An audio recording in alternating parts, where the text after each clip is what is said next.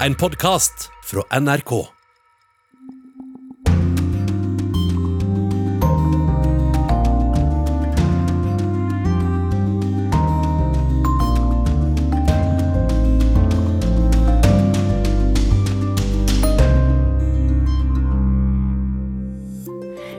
Er i ferd med å slå verdens nest største hær, og vi gir ikke fra oss Krim eller Donbas.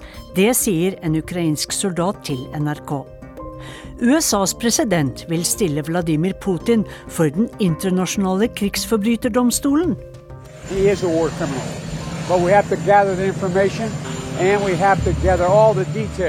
So this could be an actual have a war crime trial. Men hvorfor må aldri USA stå til ansvar for sine kriger? Vi skal møte konservative mødre i Florida som er lettet over at det er blitt forbudt å snakke om seksuell legning på skolen. Parents should have the right to know what their children are learning, that they could, you know, be whatever gender they want without even discussing with the parent that this is happening. Mens Latin-Amerika blir litt mer liberalt, for der blir det lettere å ta abort, til pavens fortvilelse. Pakistan er i politisk kaos. Ser vi slutten på cricketstjernen Imran Khans politiske karriere? Og i korrespondentbrevet spør Midtøsten-korrespondent Yama Wolasmal om Er det forskjell på flyktninger? Hvis ikke, hvorfor har ukrainske flyktninger blitt tatt imot på en helt annen måte i Europa enn syrere og afghanere som søkte beskyttelse for noen år siden? Du hører på Urix på lørdag med Sissel Wold i studio. Vi er i ferd med å slå verdens nest største hær, og vi gir verken fra oss Krim eller områder i Donbas. Det sier den ukrainske heimevernssoldaten Vasil Grigoruk til NRK. NRK møtte han på trening før krigen, og nå vet han hvordan den virkelige krigen ser ut. Fem, seks, 19. februar. Ukrainske heimevernssoldater trener på en krig de færreste trodde kom. Do you expect that you will have to fight in a real war? Uh, we will do that we need to protect our country. If we need to fight, we will fight. If we need to be peaceful, we will be peaceful. If we need to pay taxes, we will do this. Vasil Grigoruk sa til NRK den gang at ingen er forberedt på å dø. Han har selv investert minst 160 000 kroner i våpen og ammunisjon, uniform og sikkerhetsutstyr.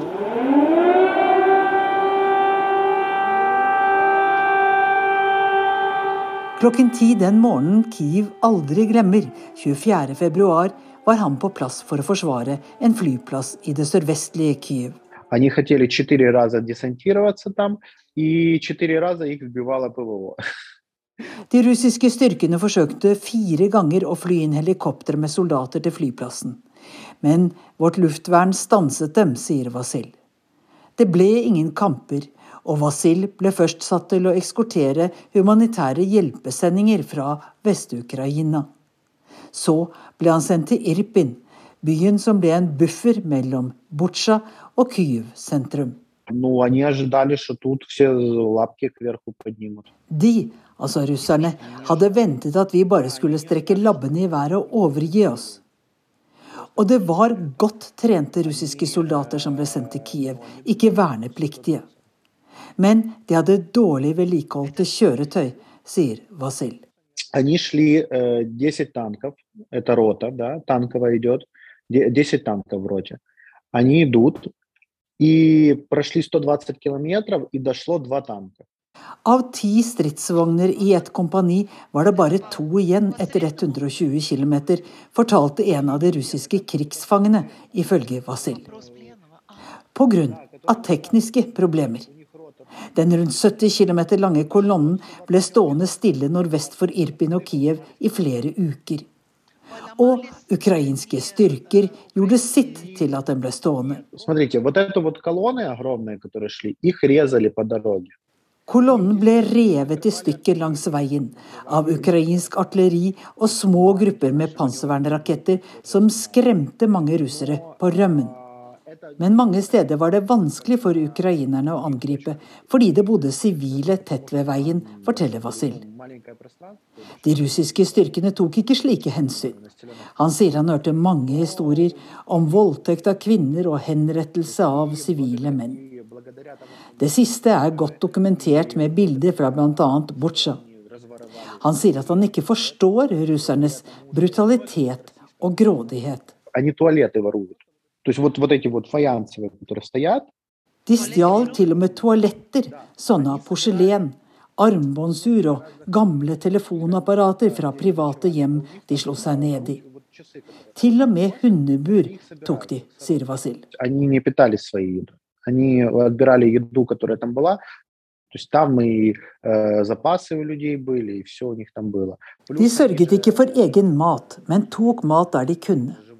De drepte dyr for å spise, til og med hunder. Selv sier Vasil han har vent seg til det harde feltlivet. Når soldater skal finne seg et sted å sove, bekymrer det seg først og fremst om sikkerheten, ikke for komforten. Vi sov stort sett i kjellere, det var kaldt, men ganske sikkert очень был большой дефицит с э, защитными снаряжением, и до сих пор он сохранился. Защит... Det ukrainske forsvaret mangler våpen. Det gjelder også heimevernsstyrkene. Det er stor mangel på skuddsikre vester, hjelmer og briller, og automatvåpen. Det er ett våpen for hver sjette som vil ha, sier Vasil. Hva er han så villig til å gi for å få til en fredsavtale? Мы ничего не готовы отдавать. Ну, слушайте, мы очень эффективно уничтожаем р- вторую, э, ну, в, в кавычках, вторую армию в мире. Мы ничего не готовы отдавать. Vi er ikke klare til å gi fra oss noe som helst. Vi ødelegger nå verdens nest sterkeste militærmakt på en svært effektiv måte. Det eneste regjeringen vår har gått med på, er å ikke bli med i Nato. Vi må finne oss andre allierte. Men vi gir ikke fra oss Krim og Donbass. Det er Ukraina. Han sier at han godt kan vente i 15 år på en endelig avtale. Det var kollega Gro Holm som snakket med heimevernssoldaten Grigoruk i går ettermiddag. Og i går hørte vi om nok et blodig angrep mot sivile, denne gangen i Kramatorsk øst i Ukraina. Og Den internasjonale straffedomstolen har begynt å etterforske krigsforbrytelser i landet. En av dem som mener Russlands president Putin er en krigsforbryter, er USAs president Joe Biden. He is a war criminal. But we have to gather the information and we have to gather all the detail so this can be an actual have a war crime trial. Vi må få en krigsforbryterrettssak, sier Joe Biden her. Og etter annen verdenskrig i 1945 var den internasjonale krigsforbryterdomstolen på tegnebrettet. Men først etter massakrene i Rwanda i 1994 og i Srebrenica i det tidligere Jugoslavia i 1995 ble planene til en realitet. Og ICC ble stiftet i 2002. Det ga store deler av verdenssamfunnet et håp om at universell rettferdighet var i sikte. Men helt slik har det ikke gått. For mens Vesten krever at Russlands president stilles til ansvar for mulige forbrytelser i Ukraina, slipper andre å stå til rette for sine ugjerninger i f.eks. Irak og Afghanistan.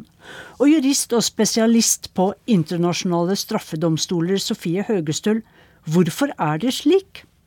En av de kritikkene som har vært mot den internasjonale straffedomstolen i Haag, det var jo den, de første ti årene de holdt på, så var jo den store kritikken at de bare gikk etter afrikanske land og afrikanske ledere. Og da var det en del afrikanske ledere som eh, beskyldte domstolen for å være afrikafiendtlig. For å være partiske i sin utvelgelse av konflikter fra Afrika. For ICC de har jo da i utgangspunktet kun lov til å etterforske konflikter som skjer på territoriet til et medlemsland. Og det er jo frivillig å bli medlem. Det er ikke en tvangssak. Eh, Og det gjør jo at um, hvis du ser på hvem som er medlem av domstolen, så er det ganske mange land. Men de som glimter med sitt fravær, er jo ofte regionale stormakter og stormakter. Men Ukraina har heller ikke vært medlem av Den internasjonale straffedomstolen. Men det de gjorde etter annekteringen av Krim, det var at de sa til ICC at vi trenger hjelp til å etterforske grove forbrytelser. hos oss. Kan dere hjelpe oss? Og det sa domstolen. Det kan vi gjøre. Så ICC har egentlig holdt på med å se på krigsforbrytelser i Ukraina siden 2014. Og det er først nå de har begynt å etterforske ordentlig da, i kjølvannet av det som skjer i dag. Og det som, altså det som noen mener er kontroversielt med det, er at russerne er jo selvfølgelig ikke medlem av Den internasjonale straffedomstolen. Um, men hovedregelen til domstolen er at så lenge forbrytelsen skjer på territoriet til et medlemsland, så gjør det ikke noe hvem som har begått forbrytelsen. Da har domstolen fortsatt mulighet til å etterforske. Men må ikke Ukraina melde seg inn nå, da? De har valgt av en eller annen grunn å ikke gjøre det. De har valgt å gi en sånn frivillig erklæring om at eh, domstolen har lov til å etterforske. Eh, det er jo et godt spørsmål hvorfor de har valgt å ikke melde seg inn. Melde seg inn i en sånn domstol, så er man jo bundet av vedtektene, og man kan bli etterforsket selv. Det er klart at Særlig en del land med større militærmakt og myndighet, som bruker militæret sitt aktivt, har jo ikke hatt en interesse av å gjøre det. Og da vil jo alltid domstolen treffe ganske skjevt. For f.eks. da Syria, sant, som er en av de mest grusomme borgerkrigene vi har sett i moderne tid, de er jo selvfølgelig, Assad-regimet har jo selvfølgelig ikke tenkt at nei, vi skal bli medlem av en internasjonal straffedomstol. Det kommer nok Assad-regimet aldri til å gjøre. Og da er det bare én mulighet å få en sånn type konflikt som Syria inn for den internasjonale straffedomstolen. Og det er at Sikkerhetsrådet henviser den. For det står i vedtektene til domstolen at hvis Sikkerhetsrådet sender en konflikt til ICC, da kan ICC etterforske. Men hvem er det som sitter i Sikkerhetsrådet? Jo, det er USA, det er Kina, og det er Russland, som er de store, tunge maktene i Sikkerhetsrådet. Og ingen av de er medlem av Den internasjonale straffedomstolen. Og det betyr at du har hatt en situasjon at de som da kan sende, tvangssende land til ICC, de har jo valgt å ikke være medlem av domstolen selv. Og det har skapt en, en stor skjevhet. For når jeg så litt på hvilke konflikter som de har valgt å sende til ICC, så har det jo som oftest, eller alltid vært konflikter hvor de selv ikke er, har sterke maktpolitiske interesser. Typ Palestina har man jo diskutert å sende til ICC. Eh, før de ble medlem av domstolen, vel å merke. Det har jo ikke USA villet, så det har ikke skjedd. Syria har man også prøvd å sende til ICC som en konflikt. Det har Russland og Kina lagt ned veto på. Nord-Korea har man også diskutert å sende til ICC. Det har Kina ikke villet. Når du ser på hvilke konflikter som har blitt henvist til ICC, så har det vært Sudan, eh, og så har det vært Libya. Og det har jo vært to konflikter hvor det ikke har vært nok stormaktsinteresse å beskytte de statslederne til at alle har vært enige om ok, de kan få lov til å etterforske. Så det er jo en domstol som for det at den har blitt lagd som den har blitt gjort av land, da, det er jo medlemslandene som har lagd domstolen sånn, så vil den alltid ha et ganske skjevt utslag. For det at en del av særlig av stormaktene vil jo alltid kunne unnlate seg straffeforfølging for sine konflikter. For det at det er basert på frivillighet. Verden er jo nå rystet over at president Putin og Russland har angrepet Ukraina på denne måten, og alle bildene som kommer fra Butsja nå, har jo satt fart i eh, diskusjonen om at noen må stilles til ansvar. Men i eh, 2003 2003, eh, så gikk jo USA inn i Irak på feil mm. etterretningsgrunnlag hvor president George W. Bush eh, og hans nye konservative i Washington ivret for å fjerne Saddam Hussein. Flere tusen sivile mistet livet, og det er jo veldig mange som lurer på nå hvorfor måtte ingen stilles til ansvar da? Hvorfor var det ikke diskusjon engang? Ja, og det er jo en av de mest betente sakene som ICC nå har gått inn i. Det er jo at etter mange år med frem og tilbake på om de skulle gjøre det, så har de valgt å åpne etterforskning i Afghanistan. Og en av de tingene de skal etterforske i Afghanistan, det sier de veldig tydelig i For når du skal åpne en etterforskning på den måten, så må du søke om tillatelse fra dommerne. Det er jo ikke i tvil om at USA har begått torturforbrytelser i Irak og Afghanistan. Det er veldokumentert. Det har de innrømmet selv, som, USA, som uh, USAs daværende president Obama sa på det tidspunktet. We tortured some folks. De hadde noen uh, straffesaker mot fotsoldatene, mot en del av de soldatene som var i bildet på noen av disse torturbildene som ble Fra Abu Ghraib-fengselet? Sånn, de ble stilt for retten. Men det var ingen av lederne. Det er ingen leder som har blitt stilt til ansvar for det torturprogrammet. Og internasjonal strafferett er jo interessert i ledere. De er ikke så interessert i fotsoldater. Men den store debatten vi har nå om hvordan president Putin kan stilles for ICC, tror du ikke den ser hyklersk ut når du ser denne debatten fra Irak, fra Syria og fra Afghanistan? Ja, og det, jeg, skrev dette på Twitter for noen dager siden. Da fikk jeg liksom svar om at Jeg, jeg skrev at jeg syns det er litt spesielt at Biden får så mye ros, da, tilsynelatende, for å gå ut og si at Putin skal stilles for en krigsforbryterdomstol, eh, når USA siste ti årene har brukt så mye tid og ressurser på å prøve å unnlate seg straffølging av samme domstol. Hvis du, som den ubestridte stormakten i verden, ønsker å si at krigsforbrytelse er noe som skal straffes, så må du også underkaste deg det samme regimet selv. Hvis ikke så er det bare et regime for, eh, for noen utvalgte land, og ikke for andre. Ja, det mener Sofie Høgestøl, og én ting er sikkert. Skal man fordømt eller stilt noen til ansvar for krigshandlinger, så må man ha et velfungerende lovverk og solide domstoler.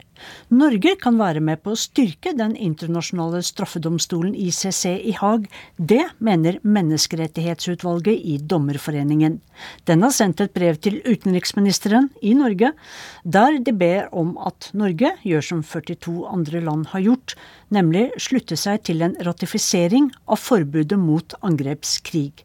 Reporter Anja Strønen forklarer hva dette går ut på. Den internasjonale straffedomstolen ICC fokuserer på fire kjerneforbrytelser. Folkemord, krigsforbrytelser, forbrytelser mot menneskeheten og aggresjonsforbrytelser. Forbudet mot aggresjon eller angrepskrig gir domstolen mulighet til å straffeforfølge et lands ledere. Den dekker både planlegging, forberedelser, det å starte opp den og gjennomføre en angrepskrig. Denne bestemmelsen ble ratifisert i 2010 fordi man da greide å definere angrepsforbrytelsen slik at man kan dømme i slike saker. Norge har allerede sluttet seg til vedtekten om å straffeforfølge folkemord, forbrytelser mot menneskeheten og krigsforbrytelser, men altså ikke bestemmelsen som gir domstolen mulighet til å straffeforfølge ledere som går til angrepskrig. Elisabeth Baumann, som leder Menneskerettighetsutvalget i Dommerforeningen, og som har doktorgrad i internasjonal strafferett, tror det er flere årsaker til det. Eh, dette har jo vært på, eh, på høring. Eh, det har altså vært forslag stilt om at man skulle gjøre det, senest i 2020. Da støttet vi i Dommerforeningen også at man burde ta det inn i Man burde ratifisere det, og man burde ta det inn i norsk straffelov.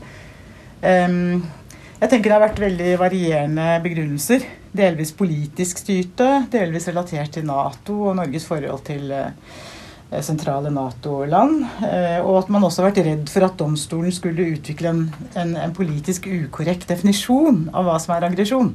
Den internasjonale straffedomstolen ICC ble etablert i 2002 og er verdens første permanente internasjonale domstol som har som oppgave å straffeforfølge enkeltpersoner som anklages for krigsforbrytelser, forbrytelser mot menneskeheten, folkemord og angrepskrig.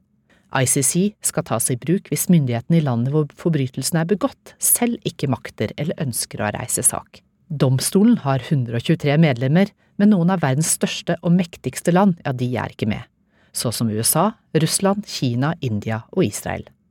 Nå når det er opplagt at verden står over en angrepskrig som dekker definisjonen av hva en aggresjonsforbrytelse er, mener Baumann og Dommerforeningen det er viktig å ruste opp folkeretten slik at verdenssamfunnet kan reagere. Hvis man eh, ratifiserer, så vil man jo for det første da eh, støtte opp om eh, ICC sin rolle og kompetanse.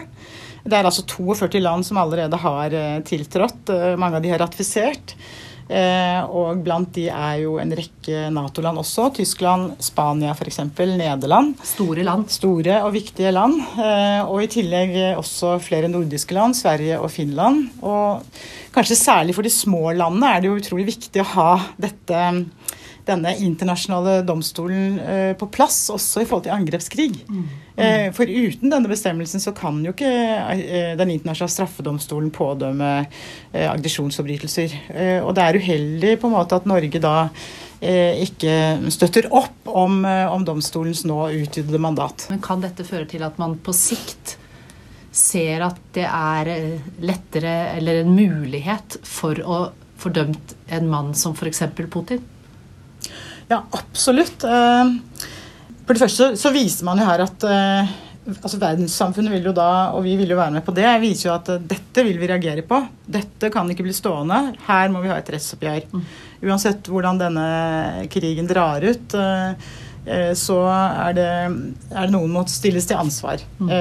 Og sånn at jeg tror det i seg selv vil ha en effekt. Det vil ha en voldsom symboleffekt da, hvis f.eks. Norge nå ratifiserer den bestemmelsen. Eh, og så vil det selvfølgelig få innflytelse på hva vi kan pådømme i framtiden. Altså hvis dette skulle være noe som brer seg. Mm. Eh, og det er klart at når ett land har overtrådt denne nærmest magiske grensen da, og gått til angrepskrig eh, Vi kan jo ikke vite om det har en smitteeffekt. Det kan jo se ut som om det er land som da ikke vil forholde seg til FNs grunnleggende normer. Mm. Så jeg tenker at ja, det er utrolig viktig også for å forhindre at vi står uten virkemidler eh, hvis det skal skje i framtiden. Men da lurer jo jeg på Trenger egentlig Russland og Putin forholde seg til dette her? Ja, det er jo mange som spør hva skjer hvis Putin mellomlander på Gardermoen. Ja. Men uh, det vil han jo sannsynligvis ikke gjøre. Men uh, det er klart at mye av poenget med den internasjonale strafferetten er jo at ingen skal kunne gjemme seg. Dette er universelle regler. Eh, man skal altså ikke kunne stikke av fra det man har gjort. Man kan ikke gjemme seg noe sted, ikke i noe land. Eh, sånn at eh, ja, dette vil absolutt få konsekvenser. Ja, det sa Elisabeth Baumann, som leder menneskerettighetsutvalget i Dommerforeningen. Og NRK har vært i kontakt med Utenriksdepartementet, men fikk ikke noe svar før denne sendingen.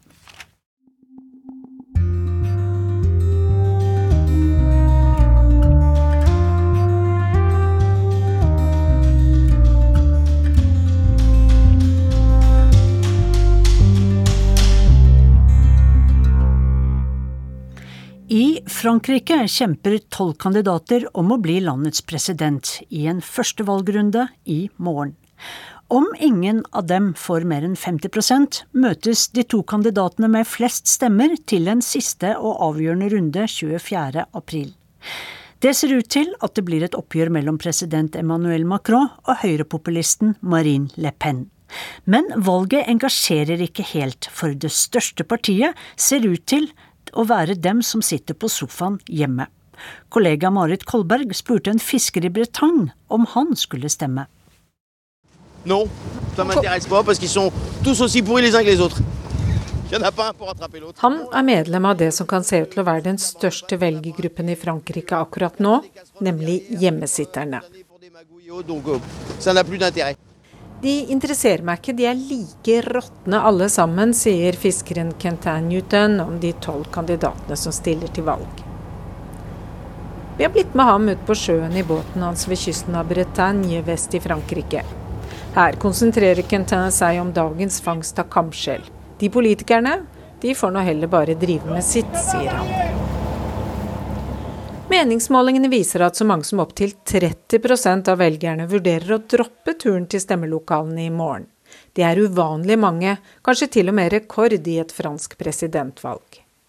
Og mens TV-sendingene har vært fylt av stoff om krigen i Ukraina de siste ukene, har også utsiktene til et dårlig oppmøte blant velgerne fått mye oppmerksomhet. Det har vært en uvanlig valgkamp. På tampen av en pandemi er det krig i Europa. Det er mulig det er det som har fått franskmennene til å holde seg til den lederen de kjenner. For hele veien har den sittende presidenten ledet på meningsmålingene, selv om han knapt har deltatt i valgkampen. Je suis rentré encore plus tard que je ne l'aurais voulu. Ça ne m'a pas empêché, matin, midi et soir, dès que j'avais un espace, de d'aller convaincre, d'aller aux côtés de nos compatriotes. Ja, jeg kom sent i gang, senere enn jeg satte pris på, innrømmer Emmanuel Macron på fransk radio. De siste dagene har han kommet seg noe mer ut av Élysée-palasset. En fallende oppslutning på meningsmålingene bekymrer nok. I mellomtiden har hans største utfordrer, Marine Le Pen fra det ytre høyrepartiet Nasjonal Samling, reist landet rundt og drevet valgkamp. Hun har snakket mye om saker som opptar folk flest, og det har løftet henne på målingene. Og franske velgere er opptatt av hvor mye penger de har å rutte med. For selv om statistikken viser at kjøpekraften faktisk har steget under Macrons styre, varierer det veldig fra sted til sted. I noen av de fattige områdene i landet har den sunket.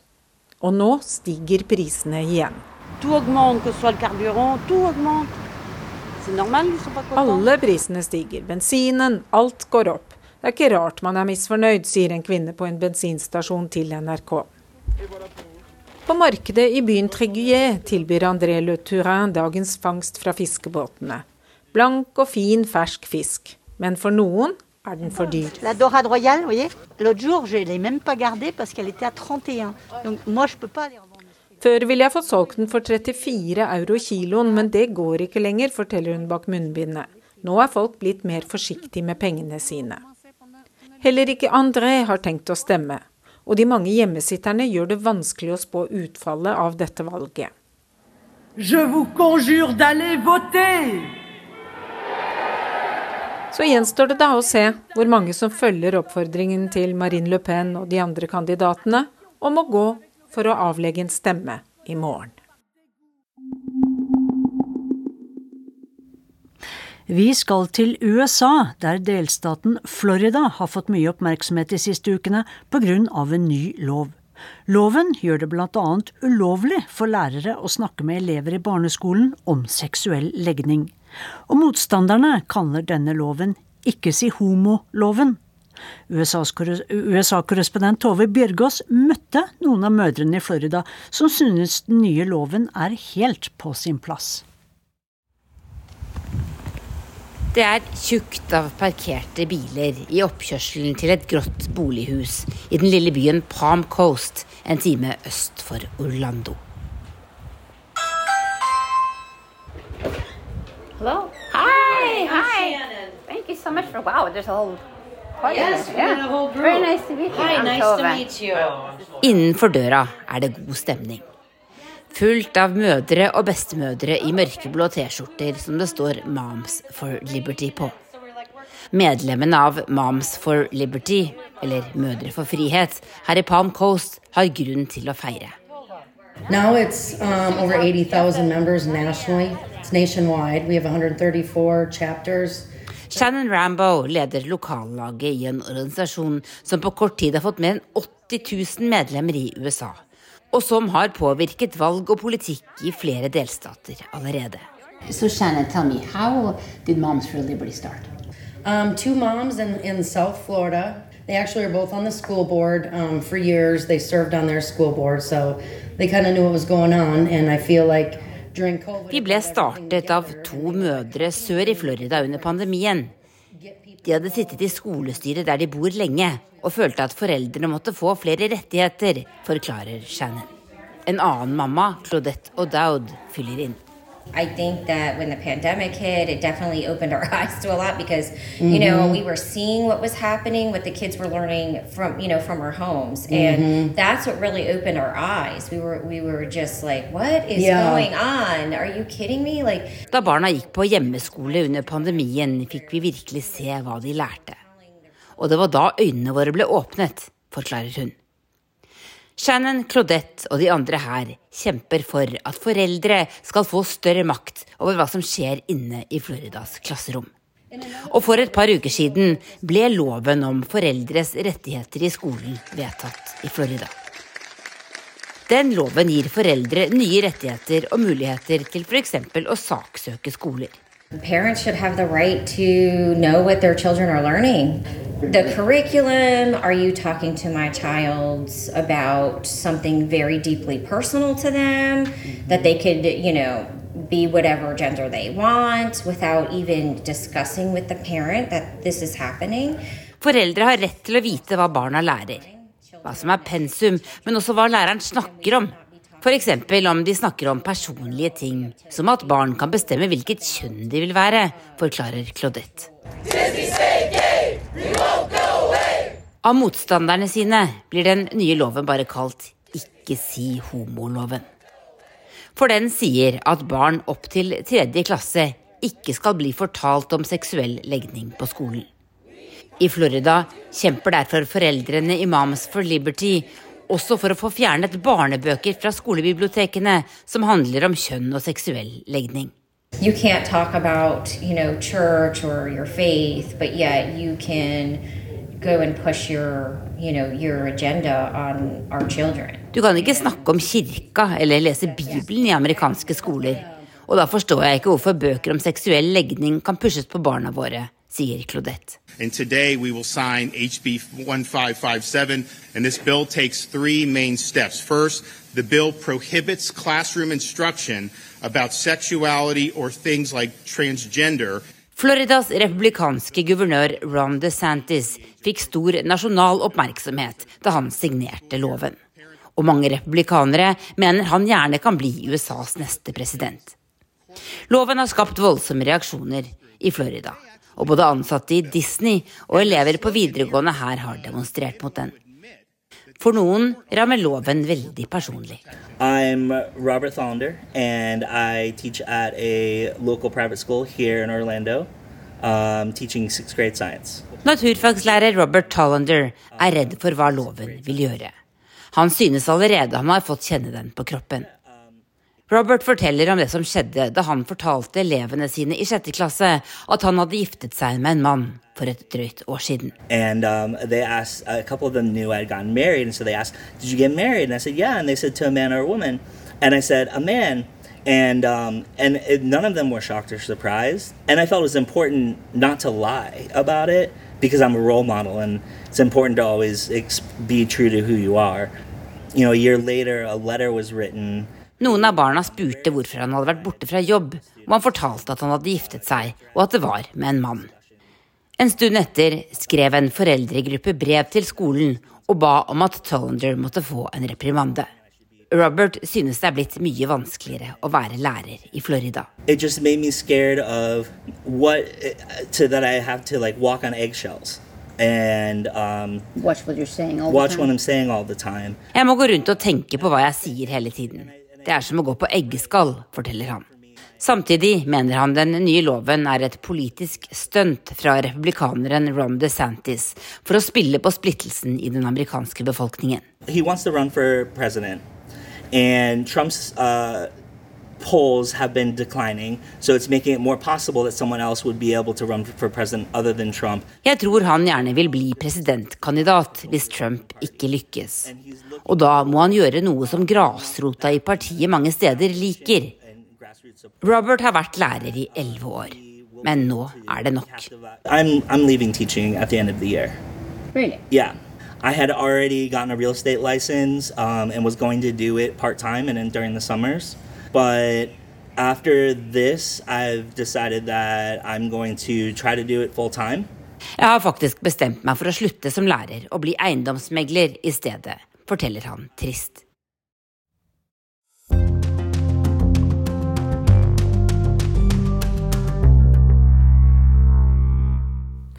Fra et konservativt Florida i USA skal vi til en mer liberal trend i Latin-Amerika, et kontinent som jo er kjent for å ha verdens strengeste abortlover.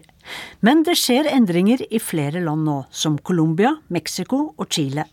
Det gleder millioner som er for abort, men liberaliseringen skaper bitterhet hos kirken og andre som er imot. Ja til abort, roper et tusentall demonstranter i Colombias hovedstad Bogotá. De feirer et historisk vedtak i landets grunnlovsdomstol. Det domstolen har bestemt, er at kvinner kan avbryte et svangerskap innen 24 uker, og at det er samfunnets plikt å gi nødvendig bistand til dette, sier Anna Cristina Gonzales. Hun er leder for Cosa Justa, rettferdig sak organisasjonen som har stått i spissen for abortkampen i Colombia. Vi har fått til det man har oppnådd så mange andre steder i verden, sier hun. Abortvedtaket i Colombia er et symbol på en ny tid her i Latin-Amerika. I flere land faller nå gamle skanser i en region som er kjent for abortlover mange mener hører hjemme i en fjern fortid. Det store gjennombruddet skjedde i Argentina for et drøyt år siden. Da det argentinske senatet sa ja til selvbestemt abort, var det første gang et stort land i Latin-Amerika gjorde et slikt vedtak. At dette skjedde i pave Frans' hjemland, gjorde vedtaket enda mer spesielt og symbolsk. Og paven har ikke lagt skjul på at nederlaget er smertelig. Sapete che su questo sono molto chiaro. Dere vet at jeg har et svært klart syn på dette. Abort er drap, og det er en forbrytelse å bidra til et slikt inngrep, sier pave Frans under et møte i Vatikanet. De hecho, las mujeres acá en Chile ha costado muchísimo. En av de mest kjente aborttilhengerne i Latin-Amerika er den chilenske feministen Kena Lorenzini. Jeg møtte henne i Santiago for en tid tilbake og spurte henne hva som er det største hinderet for å få innført selvbestemt abort. El peso de la Iglesia Católica ha sido nuestro mayor enemigo. Tyngden til den katolske kirken har vært vår største fiende. Vatikanet og den katolske kirken driver en omfattende lobbyvirksomhet mot abort, f.eks. i FN. Og her i Chile er det fryktelig hva kirken og dens støttespillere har drevet med, sier den kjente aborttilhengeren. Una niñita de 11 años fue violada reiteradamente por su abuelo. En jentunge på elleve år ble voldtatt, trolig av sin bestefar. Hun ble gravid, og daværende president Sebastian Piñeira uttalte følgende i et intervju. Jeg har snakket med jenta, og hun lover å passe på barnet som sin yndlingsdukke.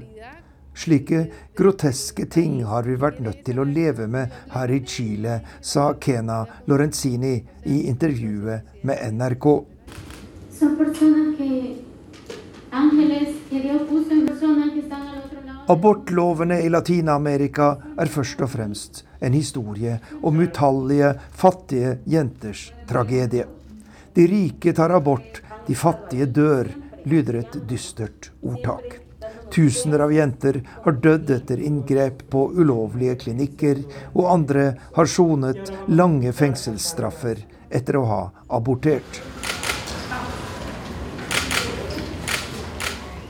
Fire jenter fra El Salvador møter pressen for å fortelle sin historie. Den da 18 år gamle Kenya spontanaborterte etter en fallulykke. Men myndighetene nektet å tro henne og dømte henne til 30 års fengsel for ulovlig abort. Nå er hun satt fri etter ni år bak murene. Cumpliendo mis 18 años, me privaron de libertad. Da jeg var 18 år, ble jeg fratatt min frihet pga. denne uretten. Jeg mistet hele min ungdom, jeg mistet min familie, og alle mine planer for fremtiden ble ødelagt, sier den nå 27 år gamle kvinnen fra El Salvador. Latin-Amerika er fortsatt preget av rigorøse abortlover. Men det har skjedd en oppmyking i flere land, og det er abortmotstanderne som er på defensiven. Arnt Stefansen rapporterte fra Rio de Janeiro i Brasil.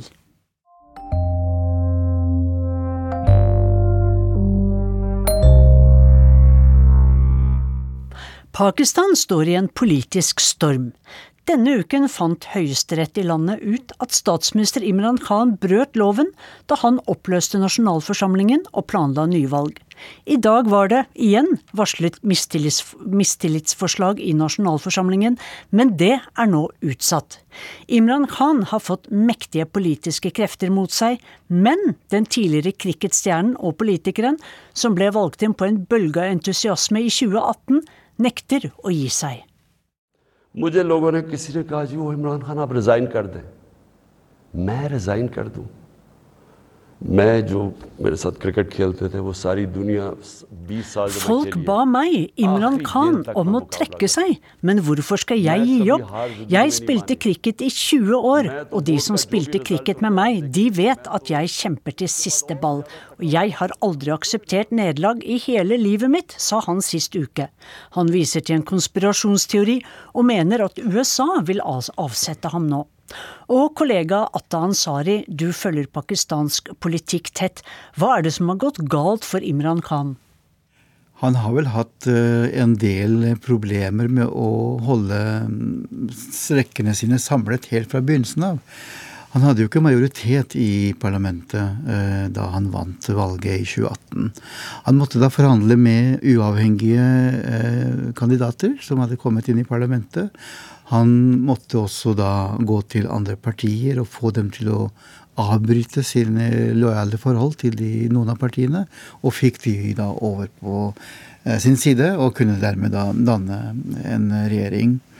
Dessuten så har nok Eh, dette med prisene i landet økt drastisk når det gjelder bensin, matvarepriser f.eks. Selvfølgelig har jo også da korona en del av skylda her. Men eh, det er jo de som sitter med makten, da, som må svare for seg. Eh, økonomien i landet samlet sett går ikke bra. Gjelda, utenlandske gjelda, på en måte øker. Imran Khan kom jo til makten med slagordet om at vi skal ikke gå ut og tigge. Vi skal stå på våre egne ben. Men han har vært nødt til å reise rundt i verden og faktisk be om å få mer lån. Så alt dette her hopet seg opp. Og de som da i starten støttet han, har nå snudd ryggen til han og eh, begynt å samarbeide med opposisjon. Og opposisjonen mener da at nå har vi nok stemmer til å kunne felle han. Imran Khan var jo 20 år i opposisjon, og prøvde i 20 år å bli en seriøs politiker etter at han var nærmest en halvgud som cricketstjerne og leder for landslaget. Eh, og han sa jo at han skulle rydde opp i korrupsjonen. Har han greid det? Han har nok ikke det, altså. Fordi at uh, Transparency International hadde jo da nye tall nå som viste at uh, de siste to årene så har da korrupsjon i Pakistan faktisk økt, istedenfor da å gå nedover, som man da håpet med Imran Khan i ledelsen. Det er klart at de aller fleste i Pakistan mener at Imran Khan er en ærlig mann. At han ikke er involvert i noen korrupsjon selv. Men eh, det har jo vært eh, anklagelser mot eh, da flere ministre og hans da støttespillere utenfor parlamentet og regjeringen. Det har vært granskninger hvor folk har blitt tatt for korrupsjon, og det har vært flere ministre i hans kabinett som har fått sparken, til og med. Og det går jo også da rykter om at Imran Khan kanaliserer da korrupsjonspenger til sin søster, men det har ikke vært mulig å bevise det til nå. Alle vet jo at eh, hvis du skal være president, kanskje, men iallfall statsminister i Pakistan, så må du ha støtte fra hæren. Eh, hva er det som gjør at hæren eventuelt ikke vil støtte han lenger? Det har vært helt tydelig at etterretningstjenesten i Pakistan og eh, militæret, og også da byråkratiet, det som da vi kaller for da establishment, de har vært på Imran Khans side. Men eh, det forholdet mellom eh, Imran Khan og eh, militæret har eh, fått noen riper. Det har vært uenighet om f.eks. da ansettelsen av den nye sjefen i Etterretningstjenesten. ISI, som det heter. Det har vært uenigheter om utenrikspolitiske steg, f.eks. I forhold til Russland og Ukraina. Mens Imran Khan valgte å besøke Russland og møte Putin etter at Putin hadde gått til angrep mot Ukraina, så var ikke militæret så veldig glad for det. Fordi da viste han da ryggen til Vesten, Amerika og Europa, som er de viktigste handelspartnerne for Pakistan og viktigste strategiske og militær samarbeidspartnere for Pakistan gjennom 60-70 år. Nå ser vi at eh, Imran Khan nok må gå av. Eh, hvilken rolle får han da? Blir han opposisjonsleder, eller kommer det til et nytt valg? Hvis han velger å gå av selv, eller han blir fjernet med da votering, eh, så vil det bli en mellomperiode på 90 dager, der det er interimregjering som styrer landet og som får ansvaret for å arrangere valg innen 90 dager. Da vil eh, valgkommisjonen bli beordret til å da organisere og arrangere nytt valg innen 90 dager for parlamentet. Men det går også rykter om at uh, Imran Khan velger å ikke bare gå av selv, men at uh, alle medlemmene i parlamentet og i de fire provinsforsamlingene kan da trekke seg kan bare gå av. Og dermed vil han da skape en gedigen politisk eh, krise, eh, som jo da betyr at da må man ha fire provinsregjeringer som er interim i en mellomperiode, pluss da en nasjonal regjering som også er en interimregjering i mellomperiode, og så må man ha da valg i Pakistan innen 90 dager. Valgkommisjonen har sagt for å kunne da organisere et kjempestort valg som dette, på fire da provinsforsamlinger og en nasjonalforsamling, det vil vi ikke klare før om syv-åtte måneder. Og kommer det til nyvalg, så er nok Imran Khan statsministerkandidat. Det er ikke usannsynlig, fordi at uh, Imran Khans uh, popularitet, hans personlige popularitet, er selvfølgelig svært høy fortsatt. Ja, takk til deg, kollega Atta Ansari. Så følger vi med på Imran Khans videre skjebne. Vi skal tilbake til Ukraina, for vi har fått kontakt med deg, eh, reporter Joakim Reigstad. I går så, så vi nok et blodig angrep mot sivile eh, øst i landet, i Krematorsk. Og nå melder kilder i det amerikanske forsvarsdepartementet at tusener av russiske soldater har samlet seg nær Kharkiv, som ligger nordvest for Krematorsk. Og Joakim, du er med eh, fra Ukraina. og Kan dette tyde på at den russiske hæren nå konsentrerer seg om å vinne mer frem i Øst-Ukraina? Det kan gjøre det. Eh, det er i hvert fall det som utenlandsketterretning, som du helt riktig påpeker, sier. Og det er jo også litt i tråd med det som russiske eh, militære har sagt for noen uker siden, at de ønsket å eh, rette fokuset mer mot Donbas-regionen, trekke seg ut av disse områdene, spesielt rundt Kharkiv og Kyiv. Uh, men samtidig så sier jo f.eks. viseutenriksministeren, uh, unnskyld, viseforsvarsministeren her i Ukraina, som vi snakket med for et par dager siden, at hun tar ingen tro på at Putins uh, strategi eller Putins mål er endret, at han fortsatt ønsker å ta hele Ukraina og okkupere det, at det er hans endelige mål. Men det har jo vist seg da at den militære kapasiteten som russerne har hatt, ikke har vært på langt nær god nok til det. Og så er spørsmålet hva er nå det neste trekket fra Kreml og Moskva? Du fortalte meg tidligere i dag Joachim, at eh, dere var i nærheten av denne mye omtalte russiske kolonnen av eh, militære kjøretøyer. Ja, det er riktig. Det er derfor også linjen er litt dårlig, for vi er langt ute på landsbygden utenfor eh, Kyiv, hovedstaden nå. Vi er omtrent der den militærkolonnen ble stoppet.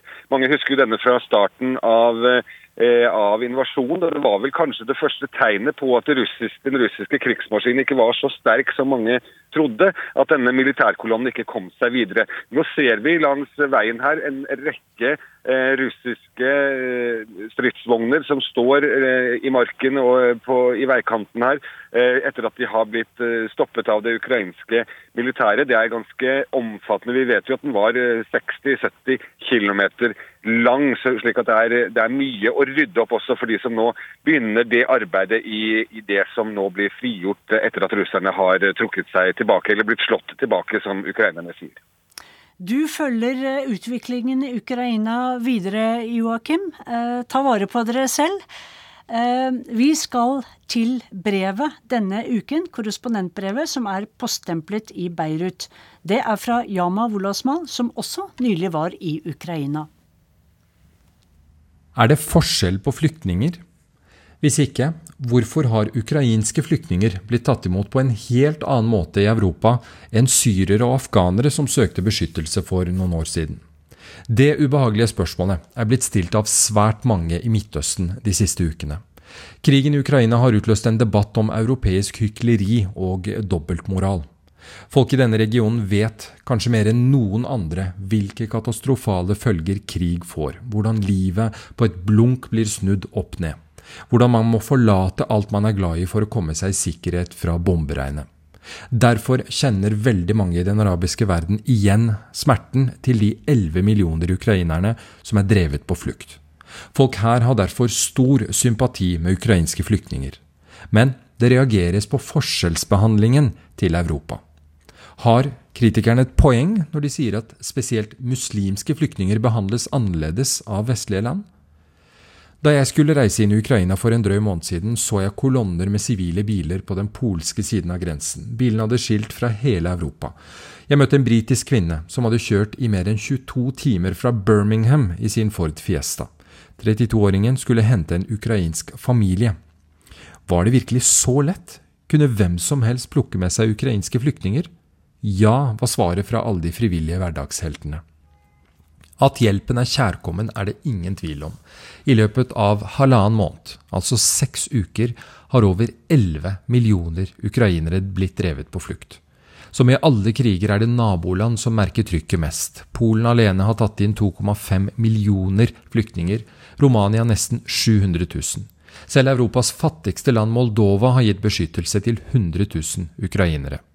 Norge forbereder seg på å ta imot 60 000 ukrainere i løpet av året. Det er den største flyktningstrømmen i norsk historie. Men hvordan var det sist flyktninger strømmet til Europa? I 2015 kom én million mennesker, hovedsakelig fra krigsherjede Syria og Afghanistan. Det utløste full krise og splittelse i EU. Land som Tyskland ville trå til og ta imot flyktningene, mens land i Øst-Europa satte seg på bakbeina. Verst var kanskje retorikken i Polen, landet som nå hylles internasjonalt for sin solidaritet med ukrainerne. Ytre høyre-politikere som Dominik Tarczynski fra regjeringspartiet Lov og rettferdighet, som fortsatt styrer Polen, ble kjent for å si ting som vi vil ikke ta imot en eneste muslimsk flyktning. Polen ble kalt rasistisk av EU-topper som Jean-Claude Juncker, daværende president i Europakommisjonen. Land som Østerrike, Polen og Romania kjempet om kapp om å sette opp grensegjerder. Soldater jagde vekk flyktninger fra Syria og Afghanistan. Nå møtes flyktninger med skilt som sier 'Polen vil hjelpe dere'. En armé av frivillige er i sving med støtte fra myndighetene. Sist ble frivillige truet med straffeforfølgelse for å hjelpe flyktninger. Det var dessuten et stort problemfokus knyttet til eh, flyktninger fra Midtøsten. Var det trygt å ta dem imot? Var IS-terrorister blant dem? Hvor mye vil det koste velferdsstaten? I Danmark ble politiet bedt om å konfiskere verdisakene til flyktninger. Nå er stemningen snudd. Det snakkes om solidaritet. Europeiske land kjemper om kapp om å fjerne byråkratiske hindringer i møte med ukrainske flyktninger. At Europa nå er løsningsorientert, har gitt grobunn til mye av den urettferdighetsfølelsen som råder i Midtøsten. Mange her er overbevist om at liberale Europa gjør forskjell på flyktninger, spesielt hvis de kommer fra muslimske land. Kritikken om forskjellsbehandling i Europa er derfor delvis berettiget, men eh, det fins noen forklaringer på hvorfor det er sånn. Ukraina er i Europa, lidelsene er mye tettere på folk. Mange opplever at grusomhetene skjer på vår dørstokk. Nærheten forklarer noe av den enorme mobiliseringen. At innvandringsfiendtlige Polen tar imot millioner av ukrainere er heller ikke så rart. Det er alltid naboland som tar imot de fleste flyktningene. Slik er det med Syrias naboland, Tyrkia, Jordan og Libanon. Det samme gjelder Pakistan og Iran, som huser millioner av afghanere. Ukrainere blir ikke hindret adgang til europeiske land fordi de har lov til å reise fritt rundt i Europa i 90 dager. De har nemlig visumfrihet til Schengen-området, og kan derfor søke asyl der de vil uten å bli kontrollert. Det kan ikke flyktninger fra andre deler av verden. Og så er Europa samlet denne gang fordi man har en felles fiende i Russland. Mange i Europa kjenner på frykten for hva Vladimir Putin kan finne på. Akkurat her kan det være greit å minne europeere om at russiske bomber også regnet over Syria. Russland gikk militært inn i det krigsherjede landet i 2015 på regimets side. Deres tønnebomber drev hundretusener av syrere på flukt. Da slapp Russland unna straff. Nå skal russerne kveles med sanksjoner. Men den moralske pekefingeren rettes ikke bare mot Europa. Det er tross alt et kontinent som har tatt imot langt flere muslimske flyktninger enn søkkrike muslimske land som Saudi-Arabia, Qatar og De forente arabiske emirater. Dette er land som svir av hundrevis av milliarder på prestisjeprosjekter og på å kjøpe europeiske fotballklubber, men som tar imot forsvinnende få flyktninger. Olje- og gassrike Qatar, som arrangerer tidenes dyreste fotball-VM i år, er et viktig transittland for titusenvis av afghanske flyktninger som skal til USA.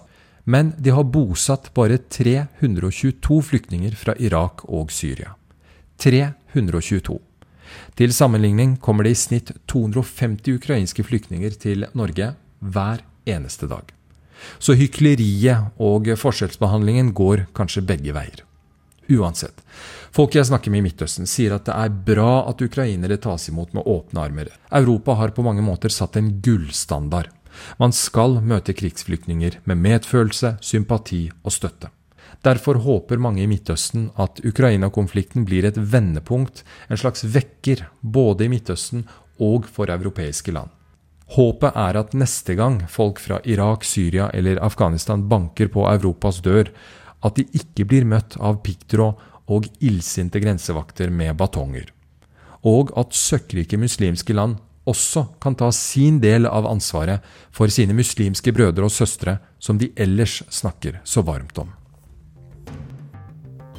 Og med dette korrespondentbrevet takker Urix på lørdag-laget for seg. Teknisk ansvarlig var Lisbeth Sellereite, produsent Tom Ingebrigtsen og i studio Sissel Wold. Og vi ønsker alle en god påske.